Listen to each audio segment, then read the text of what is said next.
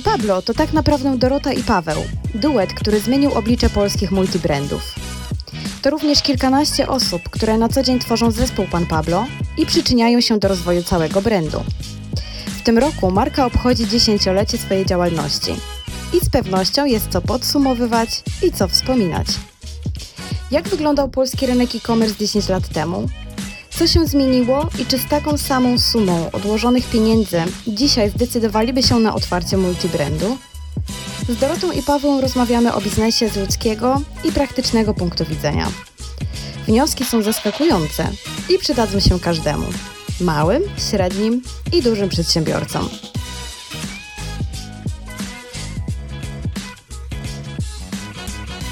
Cześć, witam Was serdecznie w kolejnym odcinku podcastu Preta Create. E, dzisiaj jest ze mną Dorota i Paweł, czyli założyciele najbardziej cool multibrandu w Polsce, e, znanego szerzej jako Pan Pablo. Witam Was serdecznie, cześć. Super, Cześć. bardzo się cieszymy, że możemy się spotkać. Ja również się cieszę. Spotykamy się co prawda online, e, natomiast myślę, że tutaj nie przeszkodzi nam zbudować świetną energię tej rozmowy. Słuchajcie, właśnie tak odnośnie tej energii, na początek mam takie pytanie, czy czy nadal, nadal czerpiecie duży fan z tego, co, co robicie na co dzień? Tak po prostu. Myślę, że tak, bo wiesz, jakby ten sklep nie powstałby, gdybyśmy nie mieli fanów, gdybyśmy rzeczywiście tego nie lubili, nie? E, co prawda od samego początku, e, czyli od momentu, kiedy mm, postanowiliśmy go otworzyć, do teraz minęło mnóstwo czasu i dużo się zmieniło i dużo też mamy nowych zadań, aczkolwiek wiesz, ten fan jest e, potrzebny, bo my, wiesz, jakby musimy cały czas wierzyć w te produkty, musimy je lubić, musimy lubić, wiesz, jakby oglądać to, co robią twórcy internetowi, więc jakby dużo cały czas jest w tym takiego, takiej, takiej szczerej, szczerej przyjemności, nie? Mhm. A dokonujecie selekcji właśnie bardzo, bardzo subiektywnie? E, no, czasami subiektywnie, yy, czasami obiektywnie, no bo cały czas patrzymy na, na analizy, patrzymy na, yy, na to, co się sprzedaje, co się sprzedaje lepiej, co się sprzedaje gorzej. Yy, częściowo mm, wprowadzając nowe marki, takie, których albo nie ma w, w Polsce, albo jeszcze nie było u nas, to robimy to bardzo subiektywnie. Yy, mm, e, a obiektywnie e, staramy się też e, e, pytać naszych klientów, pytać mhm. naszych współpracowników. Także robimy i tak, i tak. Paweł ma takie mm, duże zdolności zakupowe, wiesz, potrafi spojrzeć na produkty i on od razu wie, nie? Że, że to jest coś, co w ogóle ma szansę zaistnieć. I pamiętam, jak byliśmy na targach PT we Florencji i pojechaliśmy na stoisko Blandstone i wiesz, te targi to są takie bardzo modowe, bardzo duże targi, mm. tam się mhm. jest kolorowo, jest y, dużo ludzi, którzy, nawet takich modeli destylizowanych, którzy po prostu tylko stoją albo schodzą po schodach, czekając, aż ktoś im robi zdjęcie. I my nagle z tej przestrzeni, wiesz, z tych kolorowych ludzi wchodzimy na, sobie na stoisko Blanston, a tam jest pusto nie, w ogóle nic, w ogóle ani jednej osoby, nawet nie było y, osoby, która by obsługiwała to stoisko. Po prostu stoisko, na którym są wystawione płyty, jakiś plakat, Blanston, logotypy. I ja tak mówię do Pawła, ty, jesteś pewien? W ogóle, zobacz, nikogo tu nie ma, a ty chcesz zamówić w ogóle, wiesz, zrobić z tej marki u nas taką jedną stopowych? A on mówi, spoko, spoko, zaufaj mi, no nie? No i to był, wiesz, jakby jedyny raz, kiedy się zawahałam, bo teraz ta marka jest e, u nas taką jedną z topowych marek, nie? szczególnie w tym takim sezonie jesienno-zimowym, chociaż one są dedykowane na cały no. rok. Więc jakby mm, dużo know-how jest potrzebne i też dużo odwagi. Nie? Paweł ma też e, dużo w sobie rozmachu, więc jak już coś robi, to na całego, więc ten, więc... Czyli intuicja no. gra tutaj bardzo kluczową też rolę? Tak, tak, tak. No, dużo intuicji i dużo też takiego właśnie tej takiej analizy, nie? Analizy na przykład, mhm. wiesz, jak ty analizujesz marki? Muszę powiedzieć o tym więcej. No to jeśli chodzi o tę intuicję, to czasami wychodzi, czasami nie. Bo to, to też no tak, z intuicją. Tak, z intuicją, nie? Że, y, że, że dużo też testujemy po prostu.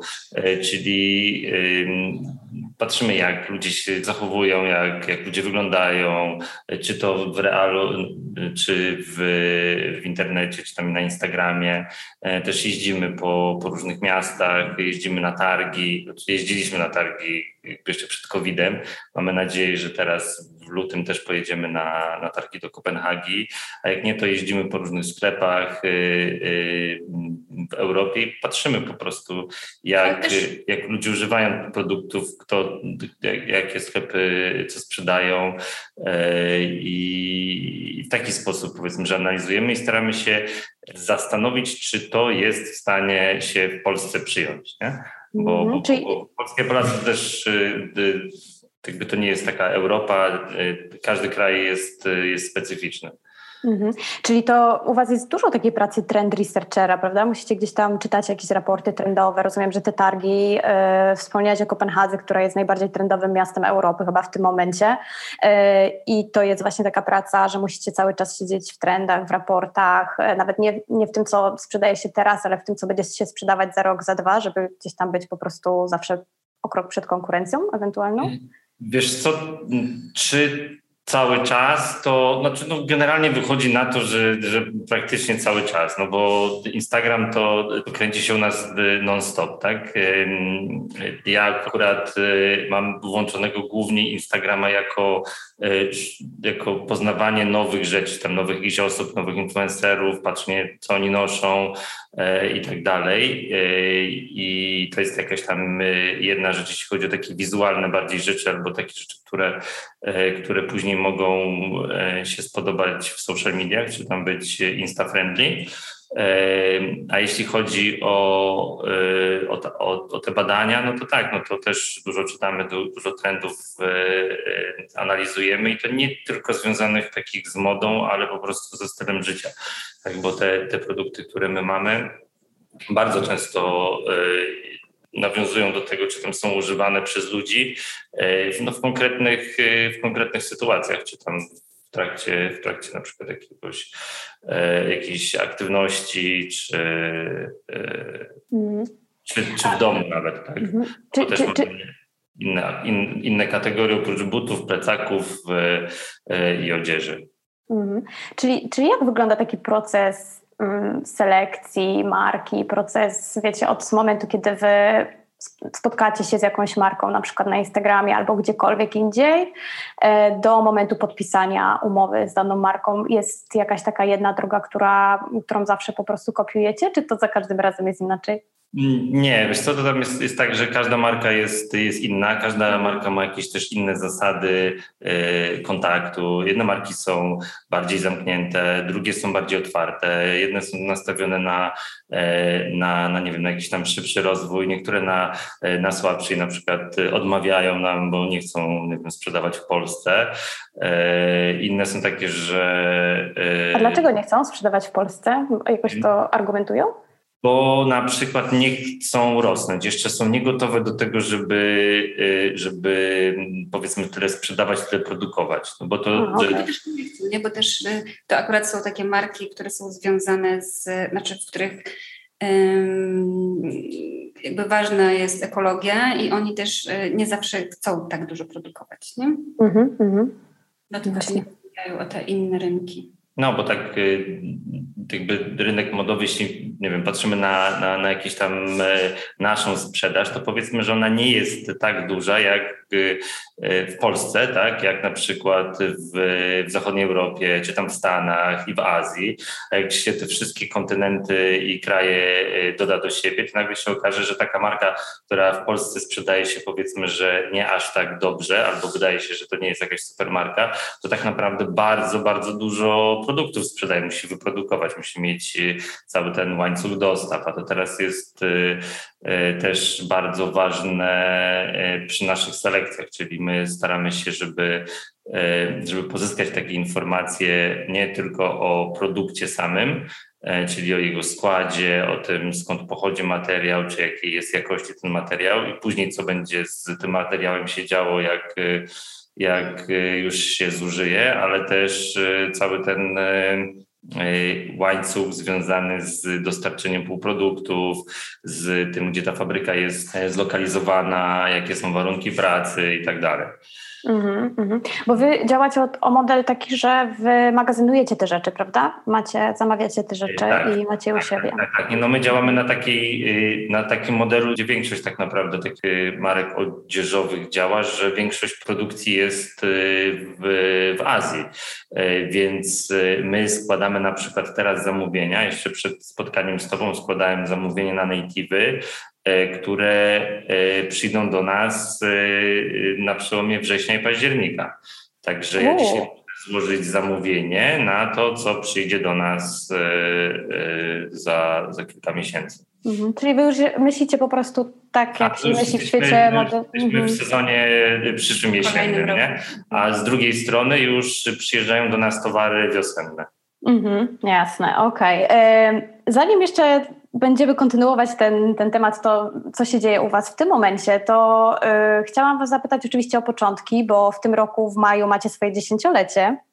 E, gratulacje ogromne. Czy pamiętacie jeszcze, o jak to się zaczęło, od jakiej marki się to zaczęło, albo w ogóle skąd się wzięła, skąd się wziął pomysł i zajawka na to, żeby mieć taki multibrand?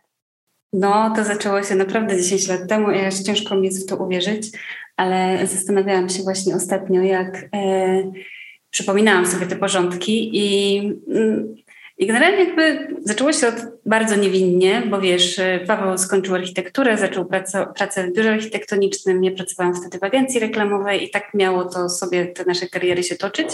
Do momentu, kiedy zadzwoniła Pawła mama mówiąc, że a jest taka dotacja w Urzędzie Pracy na założenie pierwszej działalności, może Paweł złożysz wniosek, nie? I on tak pomyślał, no w sumie to bym mógł, nie? I tak y, w zasadzie te buty, y, sprzedaż butów to była taka, mm, wiesz, pierwsza myśl, która przyszła do głowy, no wiesz, zawsze lubiłem buty, nie? Więc uznaliśmy, że w sumie why not, nie? Jakby spoko, możemy złożyć ten wniosek i tak też zrobiliśmy, więc cały nasz budżet na początku to było 20 tysięcy złotych i z, tym, i z tym wystartowaliśmy, nie? Mhm. Złożyliśmy pierwsze zamówienie na mark Native właśnie, które są do teraz y, w ofercie. Bardzo fajna marka i jeszcze wtedy Cats. To tak. były takie kultowe trampki. No i, znaczy taka marka z tradycjami. No i one wszystkie, ponieważ nie mieliśmy kasy na to, żeby mieć magazyn, w którym moglibyśmy to magazynować, więc wszystko przyjechało do naszej kawalerki na czwartym piętrze. Trzeba było to wnieść i ustawiliśmy te, te kartony jeden na drugim, tworząc y, taki labirynt. I, y, no i tak wiesz, i tak zaczęliśmy, nie? Z, z, z naszego mieszkania zrobiliśmy magazyn. E, studio takie mini studio fotograficzne, robiliśmy pakszoty.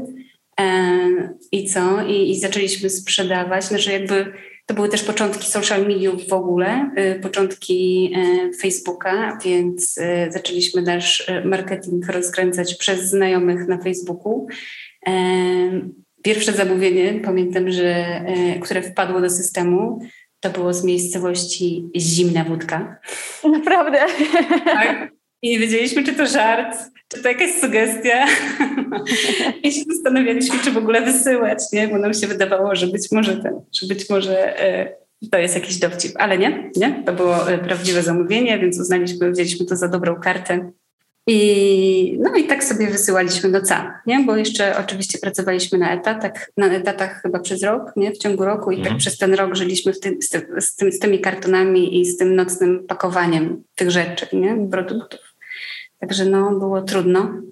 No a dzisiaj już jest zupełnie inaczej, nie? Dzisiaj już mhm. jesteśmy w pięknej kamienicy w centrum Wrocławia. Mamy zatrudnionych 18 e, osób, plus e, dużo e, outsourcujemy.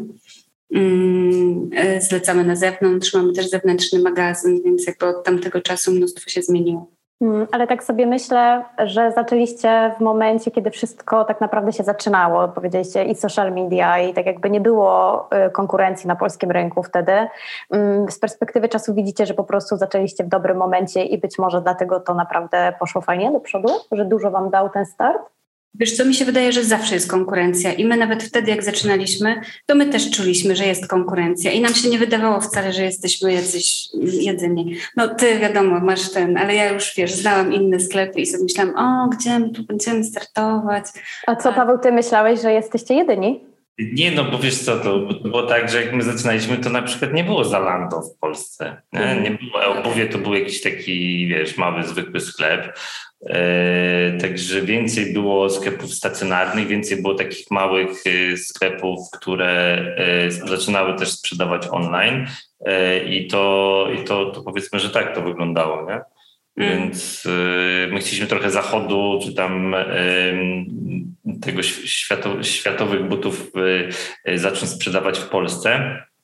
No tak, tak, bo no to nam kilku latach się okazało, że... że... tutaj wiesz, i Zalando weszło i jakieś inne biznesy też e-commerce'owe się mocno poroz, po, rozwijały. porozwijały, no ale my też mieliśmy zupełnie inne, inne, inne podejście, nie? bo my chcieliśmy zawsze myśleć o kliencie i zawsze myśleć o tym, o tej funkcjonalności tych produktów i łączyć to, e, łączyć tego klienta z, z produktami, a nie tylko tak naprawdę sprzedawać. Nie? Mhm, więc nigdy nie zależało nam na wiesz, takiej super ogromnej ofercie. Nie? Zawsze dla nas ta, e, jakby widzieliśmy większą wartość w krótkiej e, selekcji produktów, tak żeby zaoferować już e, coś naprawdę fajnego, ale też skrócić ludziom ten czas poszukiwań, nie? bo ja pamiętam, wiesz, jakby scrollowanie po tych sklepach internetowych, które mają mnóstwo produktów, no to jest taka mocna strata czasu, nie? I mhm naszym zdaniem lepiej jest, wiesz, oferować coś już takiego wyselekcjonowanego, co, wiesz, jakby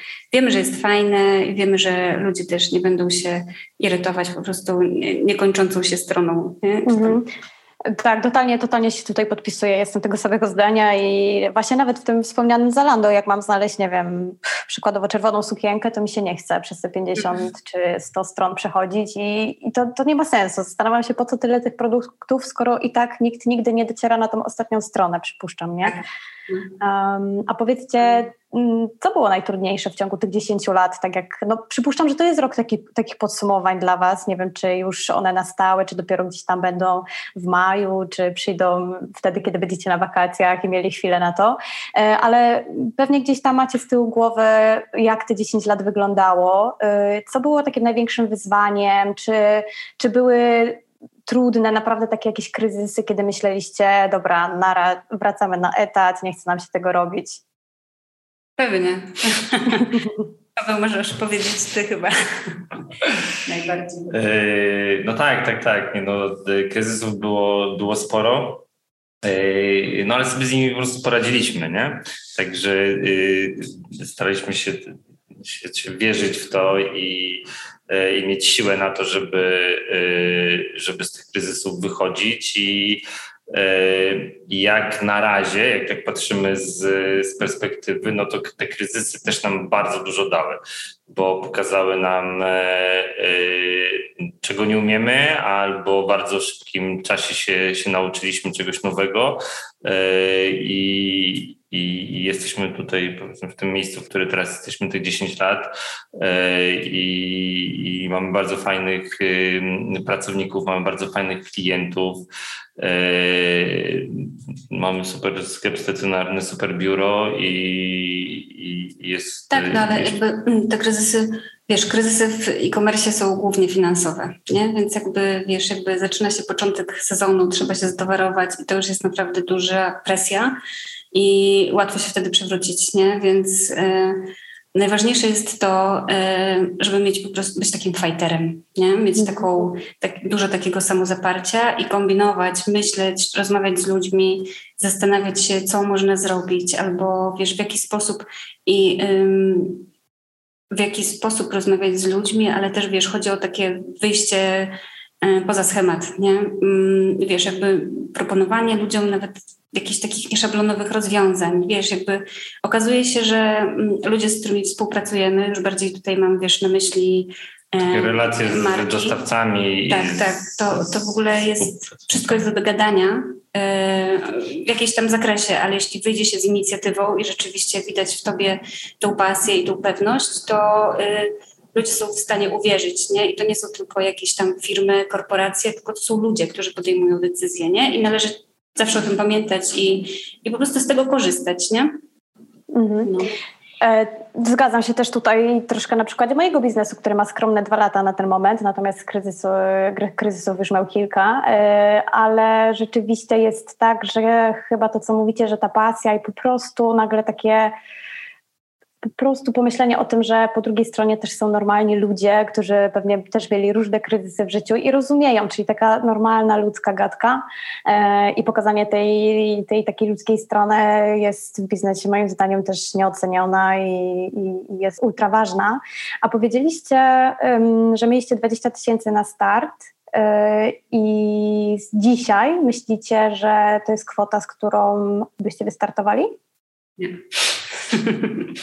Dlaczego?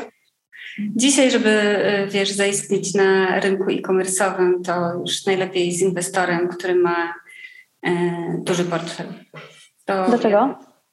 Jeśli chodzi o multibrand, nie? Bo jeśli tworzysz swój własny produkt i masz swoją markę, to e, zapewne jest inaczej. Ale w przypadku e, takiego multibrandu jak nasz, to rzeczywiście konkurencja na rynku jest y, już bardzo duża, y, technologicznie zaawansowana, więc tutaj nie ma mowy o tym, żeby zaczynać z 20 tysiącami. Nie? Bo... No, nie, no ma to jakiś sens, jeśli chodzi o właśnie taką swoją e, markę, swoją markę tak? No. Czyli taki, taką niszę, gdzie masz, e, gdzie masz powiedzmy jakiś swój produkt e, i on nie jest jeden do jeden taki sam jak gdzie indziej i gdzie jesteś w stanie tak naprawdę wszystko samemu i swoją, e, powiedzmy, że jakąś taką energią i, i prawdziwością, szczerością, szczerością y, pokazać, sprzedać tak naprawdę, nie? bo na koniec dnia gdzieś, y, gdzieś tutaj chodzi nam y, tak naprawdę o sprzedaż tych produktów i o to, żeby, żeby ten biznes był rentowny i, i żeby kolejny rok był fajniejszy i, i, i, i tak. Nie? Mhm. Mi się wydaje, że że, ten, że łatwiej na przykład teraz sklepy stacjonarne otwierać, jakby multibrandy stacjonarne niż online'owe, mm, ponieważ online to są już potężne koszty. Nie? W porównaniu do tego, co było 10 lat temu, a nawet 5 lat temu, to y, online to już jest, żeby zaistnieć, żeby być, nie wiem, nawet na pierwszej stronie wyszukiwania, to nie też, że musisz y, zainwestować w, y, w SEO, w opisy, w dobre zdjęcia. E, też musisz mieć dosyć dużo tych produktów, e, bo, bo roboty cały czas e, patrzą, analizują, czy masz nowe, czy masz ten, czy tam coś się zmienia i tak dalej. No to oprócz tego, że tam, nie wiem, jesteś na tej pierwszej stronie, to jeszcze jest reklama, tak? Czyli mhm. są na Twoją frazę się reklamują zupełnie inni, powiedzmy, klienci. Te pierwsze trzy wyniki wyszukiwania, jeśli nie masz adblocka, to zawsze to są jakieś reklamy e, i tak naprawdę e, nawet jak ktoś chce kupić u ciebie albo ciebie znaleźć, to, tak, to, to w międzyczasie może w ogóle trafić zupełnie gdzieś indziej, zapomnieć o tym, e, co, po co tak naprawdę przyszedł i no i to jest trudne, żeby utrzymać tak naprawdę tą, tą gdzieś tam ciągłość w sprzedaży. Czyli jesteście w stanie powiedzieć, że stawiacie tezę, że w tym momencie tak naprawdę żaden kapitał, tylko inwestorzy, czy jednak jest jakiś taki plus, minus? Nie, no, jest jak wiesz, jeśli masz tam kilka milionów kapitału, to, to, to tak. To, to Czyli w tak... milionach. A tak, no tak, w milionach. E, nie no, kilkaset tysięcy, wiesz, no to jest, e, jest tak, że no właśnie, że, że to można sklep stacjonarny otworzyć, tak? I na bazie na przykład sklepu stacjonarnego już wtedy otworzyć sklep online i to jakimś tam, e, jakimś tam, w jakimś tam okresie czasu jest w stanie rosnąć. Rosnąć, no, tak? Można to mieć jest... wspólny magazyn, z którego wysyła się już do online, więc ograniczasz te koszty magazynowania, no bo i tak masz to w sklepie stacjonarnym, więc jakby... A, a jak to się ma, bo, bo mówicie o, te, o tych kosztach, które ja bardzo dobrze rozumiem, czyli właśnie reklama y, i na social mediach, poza social mediami, całe SEO, pozycjonowanie w Google, które jest bardzo kosztowne y, i też oczywiście zaplecze strony internetowej i mnóstwo, mnóstwo innych kosztów. Natomiast i, i mówicie o, o, kwotach w milionach, żeby, żeby, żeby dobrze to szło. Natomiast zastanawiam się teraz, myślę o tych małych polskich markach, które dają radę. A to są, mar- multibrandy. No to właśnie. właśnie o to chodzi, nie? że oni sami produkują. Mają Czyli co jest takim waszym kosztem, yy, który, który po prostu jest takim blokerem, że rzeczywiście ta jest dużo, duża przepaść finansowa. I wiesz co, no my musimy y, tak naprawdę dosyć dużo towaru zamówić, tak jak Ci mówiłem na początku, że my robimy zamówienia z y, tam ośmiomiesięcznym powiedzmy wyprzedzeniem, w większości jeśli chodzi o buty i odzież. Y, no i teraz y, my musimy zaplanować, że w tym okresie musimy kupić towar i to najlepiej jakby Zazwyczaj jest tak, że całość towaru, no albo nie wiem, w okolicach 50% musimy odebrać za jednym zamachem, tak? Czyli powiedzmy, że zamówienie, nie wiem, tysiąca par butów, e, które wiemy, że w ciągu 6 miesięcy jesień, zima się sprzeda, my musimy to kupić i zmagazynować za jednym zamachem. E, I częściowo są to, e, jest tak, że, mm, że musimy płacić przed dostawą, czasami jest, e, jest jakiś kredyt kupiecki, e, czyli wiem, płatność po 30 czy tam po 60 dniach, no ale 3 miesiące to nie jest, czy tam 5-6 miesięcy to nie jest 60 dni, więc zanim ten towar nam się sprzeda, to my już musieliśmy dawno za niego zapłacić, więc w tym takim handlu E, no to ważne jest e, posiadanie tej, tego cashu na, e, na towar. Nie? A jeśli jeszcze masz tej gotówki powiedzmy tyle, że jesteś w stanie zapłacić wszystko przed dostawą, to jeszcze dostajesz jakieś dodatkowe rabaty, które pozwalają ci później też wiesz, tak funkcjonować, żeby kolejnego roku na przykład trochę więcej zamówić, albo nową markę zamówić, a na przykład takie, takie zamówianie jakichś, jakichś nowych rzeczy, nowych produktów, co my lubimy robić i co, co, co, nasi klienci też lubią w naszym sklepie, e, no to to jest taki, taka właśnie, jak rozmawialiśmy wcześniej, taka intuicja, e, ale tak naprawdę no, często czasami się udaje, a często się też nie udaje, więc to, to jest, e, nie wiem, na przykład kilka tysięcy czy kilkanaście tysięcy euro, które po prostu towaru, który się nie chce sprzedać. Dużo macie stresu? Dużo stresu. No, presja jest, presja jest duża. Mhm. E, wspomnieliście o tych sklepach stacjonarnych i to jest coś, co mnie super fascynuje, bo mm, ja bardzo w tym momencie czuję e, u siebie, ale też wokół, e, właśnie poprzez tą intuicję chyba i też w naszej społeczności na Preta Create, takie bardzo duże zmęczenie digitalem i onlinem. Mhm. E, I mówię to jako właścicielka firmy, która tak naprawdę funkcjonuje głównie online, natomiast my też chcemy bardzo, bardzo mocno, jak tylko pandemia pozwoli, mm, gdzieś wrócić w jakiś system hybrydowy i po prostu działać też, też, też offline, bo inaczej psychicznie nie dajemy rady. Natomiast e, powiedzieliście o tych sklepach stacjonarnych i powiedzieliście, że paradoksalnie to się bardziej opłaca niż prowadzenie e-commerce'u. E, jak to działa? Wytłumaczcie się w czasach, kiedy wszystko jest, wiecie, e, digitalowe. E, powiedzcie, na czym to polega, że się może bardziej opłacać?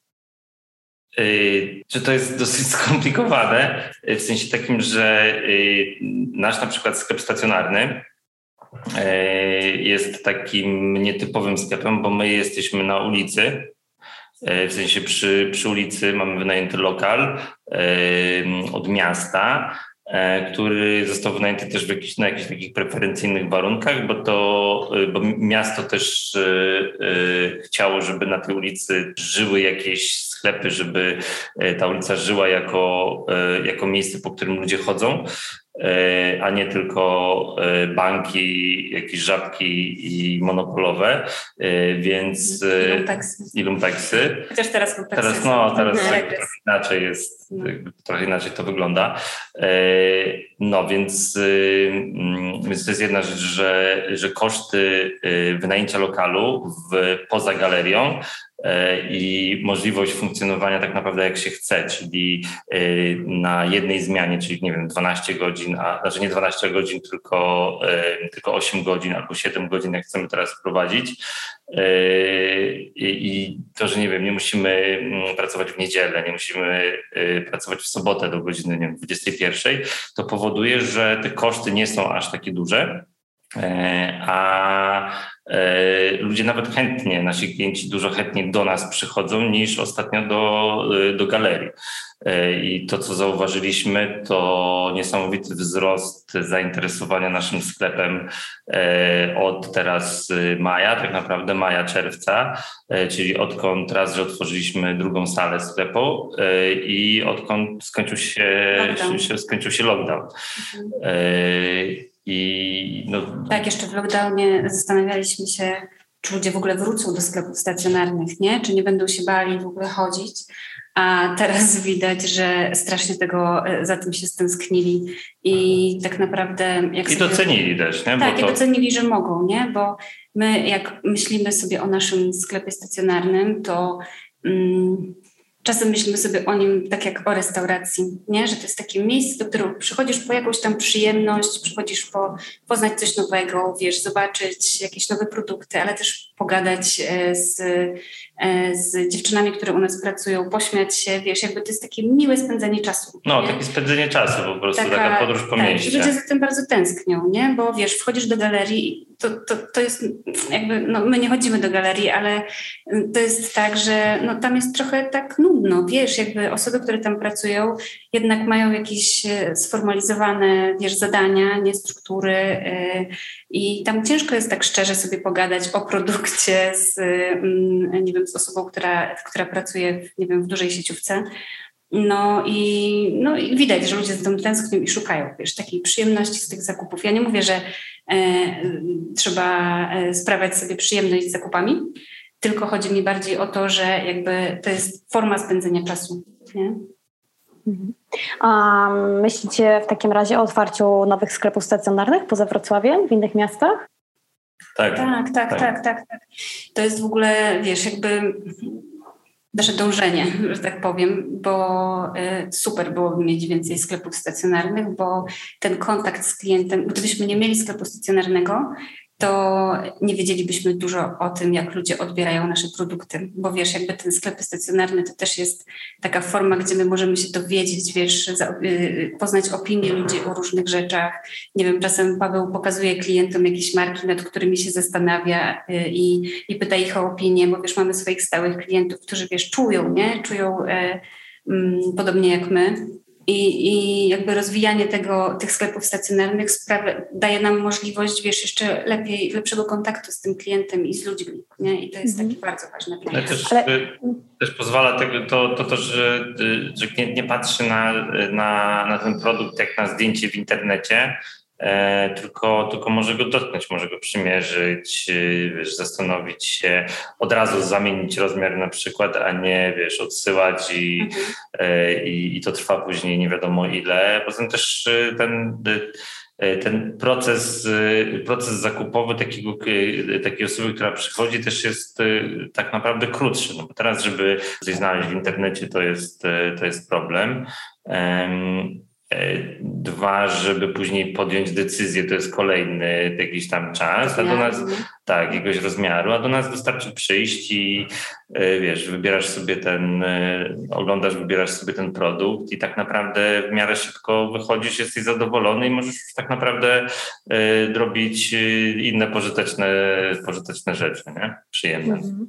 Tak, tak sobie wyobrażam, że gdybyście byli w Krakowie albo w Rzymie, gdzie jestem teraz, to już w ogóle byłoby cudownie, ale gdybyście byli w Krakowie, gdzie, gdzie skąd, skąd jestem, to na tysiąc procent wybrałabym pójście drogą tradycjonalną, czyli po prostu sklep stacjonarny. I tak jak mówicie, szybciej, prościej, e, milej e, i to nawet doświadczenie tego produktu, e, ta decyzja jest wtedy, wtedy też czynniki, które mają wpływ na tą decyzję są, są prostsze do skalkulowania i tak dalej, więc, więc jak najbardziej, ale wyobrażam sobie, że rośnięcie, jeśli chodzi o sklepy stacjonarne w innych miastach, to jest ogromna inwestycja. No właśnie tak, y, znaczy i tak, ale też niekoniecznie. Nie taka ogromna jak na przykład rośnięcie w internecie. Bo w internecie też jest tak, że, że królują te takie weekendy promocyjne różnego, różnego rodzaju, a w sklepie stacjonarnym raczej liczy się bardziej taki taki ruch klientów tak naprawdę dzień za dniem, trochę w weekendy więcej.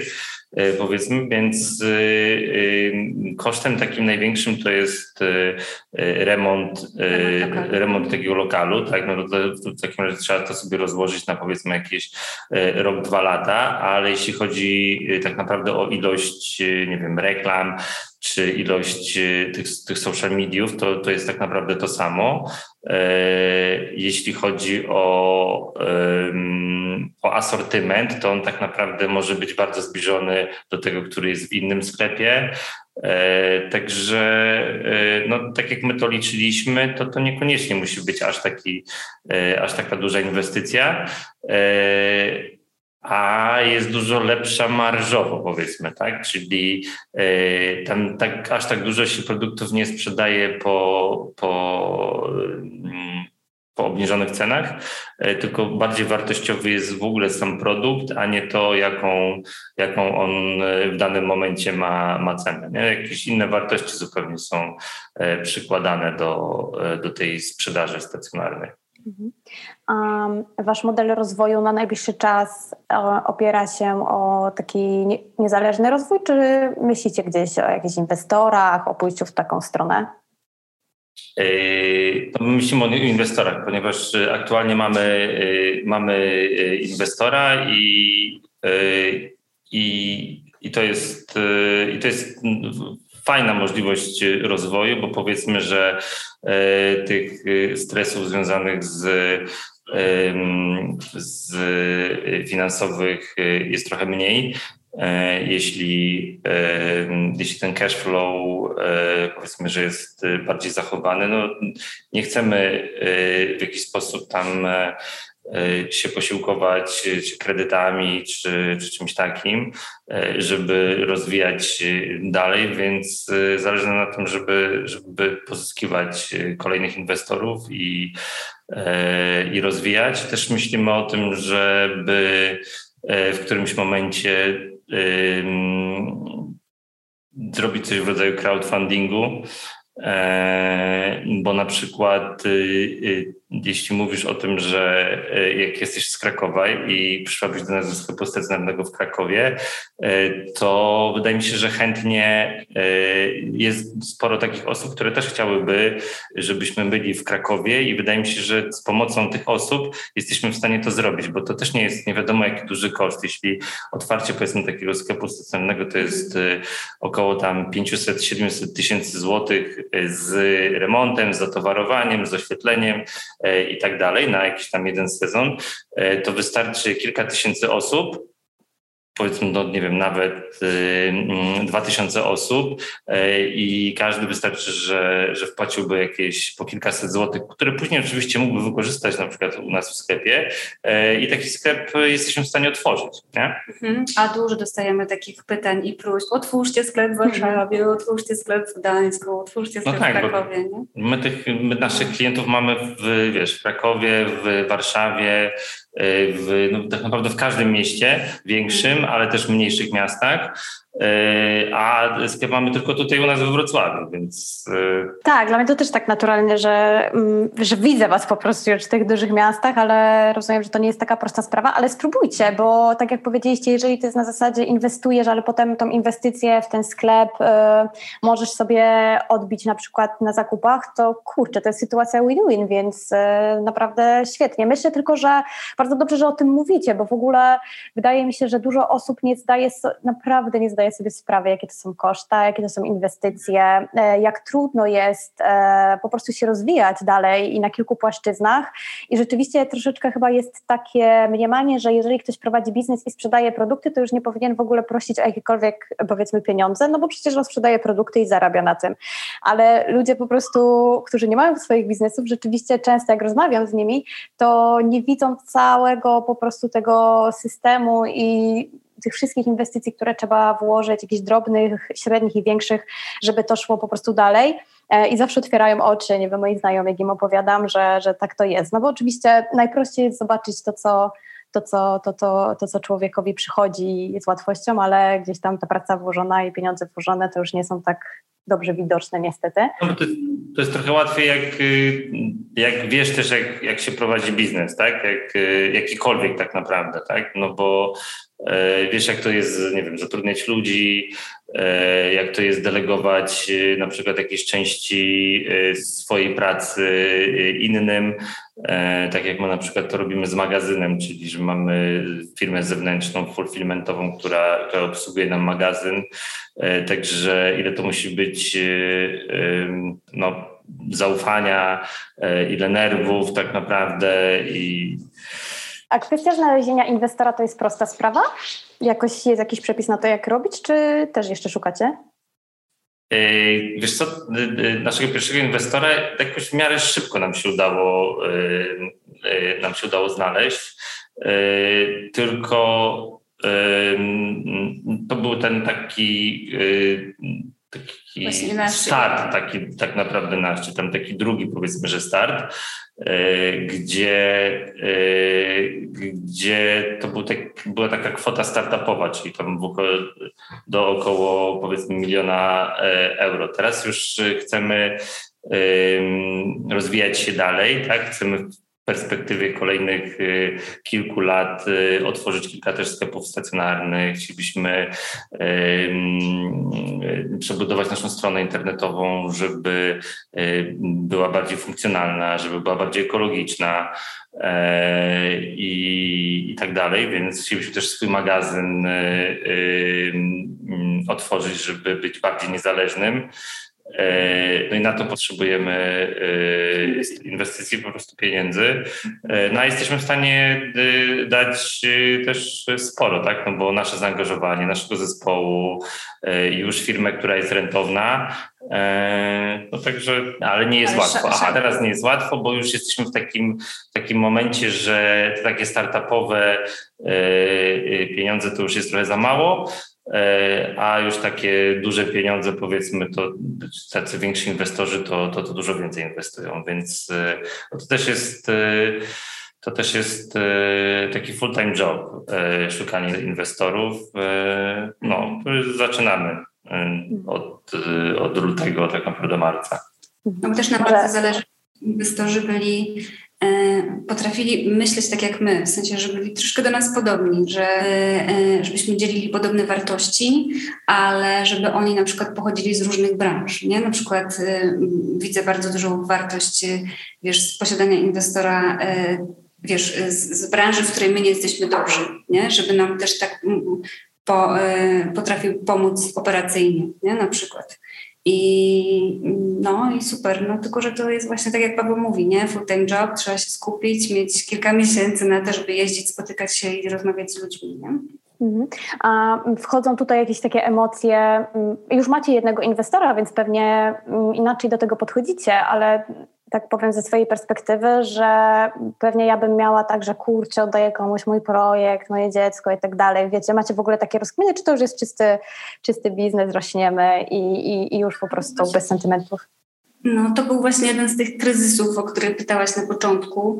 Czy mieliśmy te kryzysy? I owszem, mieliśmy ich kilka. Ten był największy, więc jakby pojawienie się inwestora, to już nawet nie mieliśmy się nad czym zastanawiać. Nie? Jakby to, to, to jakby nie podlegało. Trzeba się było pogodzić z tym, że jednak jest nam ta pomoc potrzebna, jeśli chcemy to kontynuować, tylko zróbmy to tak, żebyśmy mogli e, rozwijać się tak, jak chcemy. Nie? Jakby w sensie... Mm, żeby to nie było tak, że sprzedajemy siebie, tylko my sprzedajemy nasze know-how i y, róbmy to dalej tak, jak nam to wychodzi, nie? Znaczy w sensie tak, jak chcemy, żeby to wyglądało, nie? Więc jakby...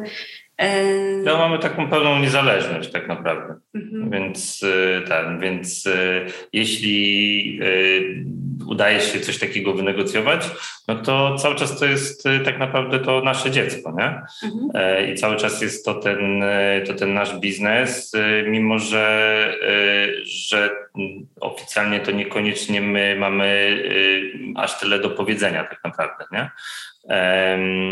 No, więc to też jest tak, że wyjście na ten taki poziom, który wcześniej dla nas nie był nie byliśmy świadomi tego tak naprawdę, czyli na, na takie tworzenie coraz lepszej marki i rozwijanie się, no po prostu jest, ten kapitał zewnętrzny jest, jest potrzebny, nie? No chyba, że się ma własny jakiś tam, nie wiem, rodzinny albo rodzinny kapitał i to wtedy jest, jest powiedzmy, że łatwiej, nie? Okej, okay. chciałam Was jeszcze zapytać o kwestię ekologii, już tak troszkę zmieniając y, temat z biznesowego na ekologiczny, y, bo tutaj też przed naszą rozmową powiedzieliście ciekawą rzecz, że sklepy stacjonarne są bardziej ekologiczne. Y, wy też w swoim hashtagu na Instagramie macie podkreślone, że inwestujecie w ekologiczną modę. Jak bardzo ta ekologia wpływa na działanie Waszego biznesu? W jakich obszarach? Czy ma duży wpływ na selekcję marek? Jak wygląda to z wysyłką i właśnie w jakichś, w jakiejś takiej waszej strategii mm, pewnie na najbliższe kilka lat? Mhm. No, to jest y, taki złożony proces, który właśnie też zawarliśmy w naszej nowej strategii. E, chodzi o to, że mm, ekologia u nas w sklepie jest, y, wiesz, ekologia zawsze była dla nas ważna. Nie? Ja już pamiętam, że takie ekologiczne, pierwsze ekologiczne marki wprowadzaliśmy już 6 lat temu, tylko one wtedy nie zaskoczyły na rynku i rynek jeszcze tego nie potrzebował. A my już y, trochę widzieliśmy tą potrzebę i szukaliśmy właśnie takich marek, dlatego yy, yy, było to z nami od zawsze. A w ostatnich czasach, kiedy zauważyliśmy, że ludzie w końcu też y, widzą potrzebę zmian, y, zdecydowaliśmy się y, wdrażać nową strategię, nie? taką opartą właśnie o produkty ekologiczne. Z jednej strony chcemy zwiększać ofertę w sklepie o te marki ekologiczne i troszeczkę schodzić z tych, które te, jakby ekologiczne nie są, bądź nie są tak transparentne, jak my tego oczekujemy. Albo nie chcą być, nie? Albo Bo nie to... chcą być, no. I zwiększać e, ilość marek ekologicznych. To jest ta strona taka, wiesz, jakby od strony oferty. A z drugiej um, będziemy prowadzić taki audyt tutaj wewnątrz naszej firmy, który, y, którym będziemy sprawdzać, jak my, na jakim my jesteśmy etapie ekologicznym, w sensie właśnie będziemy badać te wysyłki, badać e, to, nie wiem, w jaki sposób. Jak no łańcuchy koszt... też będziemy się starać badać e, tych naszych, e, tak. naszych dostawców, jak tak. dużo śladu węglowego produkujemy, nasza strona internetowa, ile, ile, ile śladu produkuje, także będziemy jakby najpierw to badać, a potem starać się z tego schodzić. Tak, żeby robić ten multibrand tak naprawdę ekologiczny, nie? No tak, żeby, żeby też pokazywać, y, pokazywać ludziom, jak wygląda ta nasza branża, nie? E, czyli wiesz, po to, żeby, żeby móc nosić nową bluzę z organicznej bawełny, potrzebujesz, i też z, z organicznej potrzebujesz 6 e, tysięcy litrów wody, tak? czyli 6 tysięcy litrów wody jest e, zużywanych, co jest bardzo często, no, ludzie o tym nie wiedzą, tak? że, że o, o takiej świadomości. Nie? E, więc lepiej kupować mniej y, produktów, ale y, nie wiem, organicznych, albo starać się o nie bardziej dbać, a nie e, co jakiś czas, wiesz, wymieniać, wyrzucać i tak dalej. Także też chcemy wprowadzić już w tym roku e, taki drugi obieg u nas, u nas w sklepie E, razem tam z Patagonią, z markami odzieżo, bardziej odzieżowymi, e, plus z plecakami. Jeszcze się zastanawiamy nad obuwiem, ale to zobaczymy, bo też od, e, od marca będziemy wprowadzać taką, taką opcję serwisu butów. Czyli no na razie sobie wybraliśmy cztery marki: Birkenstock, Bluntstone, Emu i Weża które sprzedajemy i będziemy y, świadczyć taką usługę y, przygotowania butów do sezonu. Tak? Czyli y, czyszczenia, podklejania, może wymiany podeszwy, impregnacji, gdzieś tam ewentualnie dopasowania cholewki do, do, nie wiem, do stopy, czyli jeśli ktoś ma jakieś wysokie podbicie, to będziemy je rozbijać i tak dalej. Więc będziemy jeden, jedno z pomieszczeń u nas w sklepie e, na zapleczu będziemy przeznaczać na taki, taki, taki warsztat i, i będziemy się też takimi rzeczami zajmować. Mhm. A wchodzicie tak głęboko, bo wspomnieliście, że większość marek, z którymi współpracujecie, produkuje w Azji i y, macie dostęp do tego w jaki sposób oni produkują? Sprawdzacie to? Macie możliwość sprawdzania, na, w jakich warunkach są produkowane te, mm, te rzeczy? Y, wiesz co, no, jest to możliwe u niektórych marek, mm, u tych marek, które to udostępniają same, które same są transparentne i to pokazują. E, I to jest e, powiedzmy, że taki najłatwiejszy sposób. E, później dalej są marki, które powiedzmy, że, no i to najczęściej robią marki, które są jakby nowe na rynku i one chcą się tym wyróżnić. Na przykład ta hiszpańska marka Thinking Y, też markę Patagonia, która y, też pokazuje, y, w jakich warunkach ich pracownicy pracują, ile, ile dostają pieniędzy, znaczy ile zarabiają, też skąd pochodzą materiały, jak wygląda transport i tak dalej. No a część marek się w ogóle na przykład tym nie chwali, albo musimy takie informacje od nich, od nich wyciągać. E, bo też, e, też jest e, powiedzmy, że teraz taki, taki mocny trend na te ekologiczne marki, w sensie marki na świecie sobie pomyślały, że to jest super marketingowy temat do tego, żeby cokolwiek powiedzieć mhm. i żeby jak w jakiś tam sposób się wybielić. I niektórzy nie chcą w ogóle wchodzić w ten, w ten rodzaj komunikacji.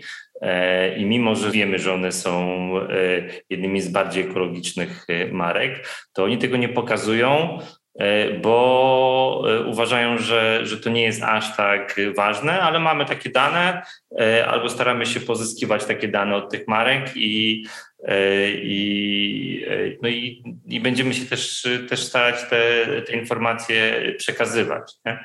To nie jest, nie będzie aż takie powiedzmy proste, no bo, bo też będzie wymagało od nas przebudowania e, trochę tego sklepu internetowego, żeby, żeby trochę więcej tych informacji przekazywać. A chciałam Was jeszcze zapytać o content, który jest u Was no, głównie na social mediach, ale też na stronie. E, wy kreujecie ten content, produkujecie, czy to jest content od poszczególnych marek? Tak i tak. Generalnie bardzo dużo kontentu produkujemy sami i głównie y, stawiamy na y, własną produkcję, bo y, to jest dla nas ważne, żeby osoby, które piszą o naszych produktach, czy produkują, wiesz, materiał na stories, żeby one wiedziały, co to jest za rzecz, nie? co to jest za produkt, żeby one też, wiesz, lubiły te produkty. To jest bardzo dla nas ważne, żeby nasi pracownicy, wiesz, jakby czuli te rzeczy, tak jak my, bo, no, bo na tym się to opiera, nie? Wtedy jest to szczere i wtedy y, jest to, wiesz, jakby to działa, jest fajne, ludzie na to reagują. E, ale czasem korzystamy z kontentu marek, które, e, które nam udostępniają. No, y, no plus jeszcze... one są też ciekawe, nie? Na przykład, no też zależy, która marka, nie? Ale taka Patagonia produkuje bardzo fajne materiały i super jest, robią bardzo fajne filmy e, dokumentalne, z którymi fajnie jest się dzielić, więc ten content jest taki łączony. Mhm. No i też mhm. ze zdjęć y, z naszych klientów, y, które są publikowane gdzieś tam w, no, głównie na Instagramie, E, no tak, bardzo dużo kontentu produkują w ogóle nasi ambasadorzy, nie? z którymi współpracujemy, bo um, no, ja uważam, że oni są dla mnie bardzo inspirujący i w ogóle praca z ambasadorami takimi, którzy już um, jakby trochę um, uformowali tą swoją działalność, już wiedzą, gdzie idą, co chcą robić, jest bardzo satysfakcjonująca i uważam, że świetnie jest ich podglądać i patrzeć, oni są zawsze na czasie i tak naprawdę ten ich content jest dla nas bardzo, bardzo ważny, nie? bo mhm. jest e, ciekawy, jest świeży, jest prawdziwy i, i, i, super, wiesz, jest ich mieć i, i czuć, że oni to robią też z przyjemnością, wiesz, to nie jest taka reklama produktu, gdzie ktoś coś tylko pokazuje na zdjęciu, nie? Tak, dokładnie właśnie miałam to powiedzieć, że właśnie ambasadorzy i nawet to, że nazywacie ich ambasadorami, a nie przypadkowymi influencerami, um, którym wysyłacie po prostu paczkę z butami na przykład, i mhm. gdzieś tam, wiecie, ta współpraca trwa po prostu jeden czy dwa dni i tyle. E, to też jest w ogóle no, tak jakby przyszłościowa strategia, tak? czyli szukanie ambasadorów, którzy w ogóle wpisują się w ideę naszej marki, mają takie same wartości i przede wszystkim po prostu autentycznie lubią te produkty, a mhm. i ich styl jest z tym w ogóle związany, więc e, rzeczywiście to u Was bardzo dobrze widać, tak powiem, ze strony zewnętrznej, że, że jest to no. przemyślane naprawdę. Bardzo o to dbamy, bo, yy, no bo to jest ogromna wartość, nie? Jakby to jest, jakby to też się cały czas zmienia, wiesz, jakby zaczynaliśmy pracować z influencer marketingiem yy, 6 lat temu? 7 nawet, no bardzo no. dawno. I wtedy tak to wyglądało Instagram. zupełnie inaczej niż teraz, nie? Wtedy to właśnie opierało się na takiej wysyłce produktu, nie? Wiadomo, że wszystko było dogadane, nikogo nie, nie, nie, nie robimy żadnego zaskoczenia, nikomu nic nie wysyłamy, w ogóle wcześniej go nie pytając, czy on w ogóle chce i, i nigdy tak nie robimy, znaczy jakby nigdy nie wysyłaliśmy komuś prezentów takich niezapowiedzianych. No ale jakby z biegiem lat to się bardzo zmienia i myślę, że na dobre. I... Mhm. Też y, wcześniej mnie pytałaś o, o, ten, y, o ten proces selekcji produktów i wyboru produktów. Y, no to my też pytamy naszych tych ambasadorów, tak naprawdę my ich traktujemy jako część naszego teamu, tak naprawdę, team Pan Pablo. E, I my ich pytamy, my z nimi rozmawiamy, wysyłamy im zdjęcia z kontraktacji. E, czasami też e, powiedzmy, że tworzymy jakieś takie mini kapsuły, czyli towary, które będą tylko na przykład u nas z jakąś tam influencerką, której się podobało, czy z ambasadorką, więc więc też, też słuchamy, jakby raz, że słuchamy naszych klientów, także też słuchamy naszych ambasadorów i, e, i, i też tak podejmujemy decyzje. Nie? No to jest bardzo ważne, żeby wiedzieć na przykład, jaki konkretnie model się spodoba e, naszej ambasadorce, w którym ona by siebie widziała, bo wtedy też wiemy, że akurat tego koloru musimy zamówić więcej. Nie? To jest już takie biznesowe trochę podejście, ale to jest właśnie to know-how, którego, którego, wiesz, które, którego się nauczyliśmy z biegiem czasu. Okej, okay, super. E, słuchajcie, ja wyczerpałam moje pytania, chociaż gdzieś pewnie jeszcze tlą się, ale um, też powoli um, kończy nam się czas, więc um, myślę, że będziemy zmierzać do końca.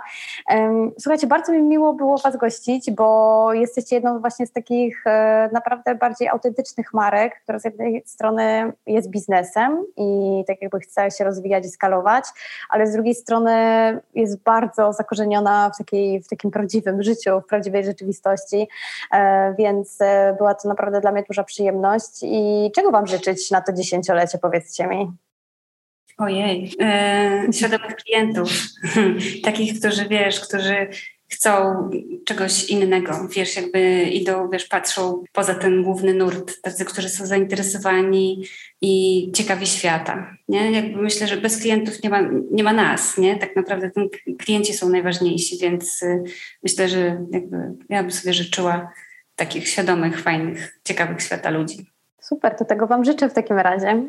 Jeszcze bym chciała powiedzieć, tak na koniec, jak już kończymy, że jeśli ktoś byłby za, zainteresowany, wiesz, otwarciem swojego sklepu albo jakiejś swojej marki, to y, możecie do nas pisać. My jesteśmy otwarci na to, żeby coś doradzić, pomóc, podpowiedzieć, bo w naszym też interesie jest to, żeby powstawało jak najwięcej małych sklepów, no bo to wiesz, jakby sami widzimy w tym wartość i chętnie pomożemy ludziom, którzy myślą sobie o tym, żeby coś zrobić e, i jesteśmy, wiesz, jakby cały czas gotowi, żeby e, dzielić się swoim know-how. No, małych sklepów, ale też marek, które funkcjonują tutaj w Polsce i sobie mhm. tutaj powiedzmy, że jakoś, jakoś radzą, a chcą też wyjść za granicę, czyli mieć kontakty z podobnym powiedzmy multibrandem jak nasz, tylko, tylko w e, innych, e, w innych miejscach, mhm. tak? bo my tak naprawdę wiemy jak, wiesz, wiem, jak marżowo podchodzić do, e, do tych produktów, jak podchodzić do rozmowy z takim, z takim sklepem, a tak naprawdę już z jakąś osobą albo z działem, która się zajmuje zakupami i tak dalej, więc mhm. jesteśmy otwarci i chętnie pomożemy. Możecie do nas pisać albo na Instagramie, albo na y, adres sklepu po prostu internetowego i będziemy pomagać, jak będzie taka potrzeba. Wspaniale, wspaniała, wspaniała inicjatywa i mam nadzieję, że ktoś z niej skorzysta. Dziękuję Wam jeszcze raz za, za czas i za super konkretną rozmowę. Super, bardzo się cieszę, było super miło. Dzięki bardzo. Jeśli podobała Ci się nasza rozmowa, śledź projekt Preta Create tutaj, na Instagramie, na Facebooku i w świecie realnym. W Preta Create tworzymy kreatywne szkolenia i warsztaty, nagrywamy podcasty i rozmawiamy z ludźmi z szeroko pojętej branży kreatywnej w Polsce. Przyłącz się do nas i rozwijaj ten projekt razem z nami.